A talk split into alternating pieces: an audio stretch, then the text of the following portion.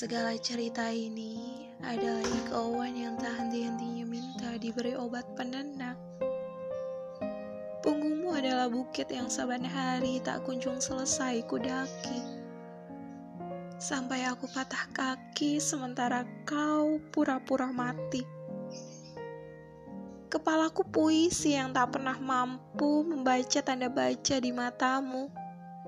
Tanda titik atau tanda jeda yang berkepanjangan. Tak pernah ada rumah. Peta tak mengenal alamatmu.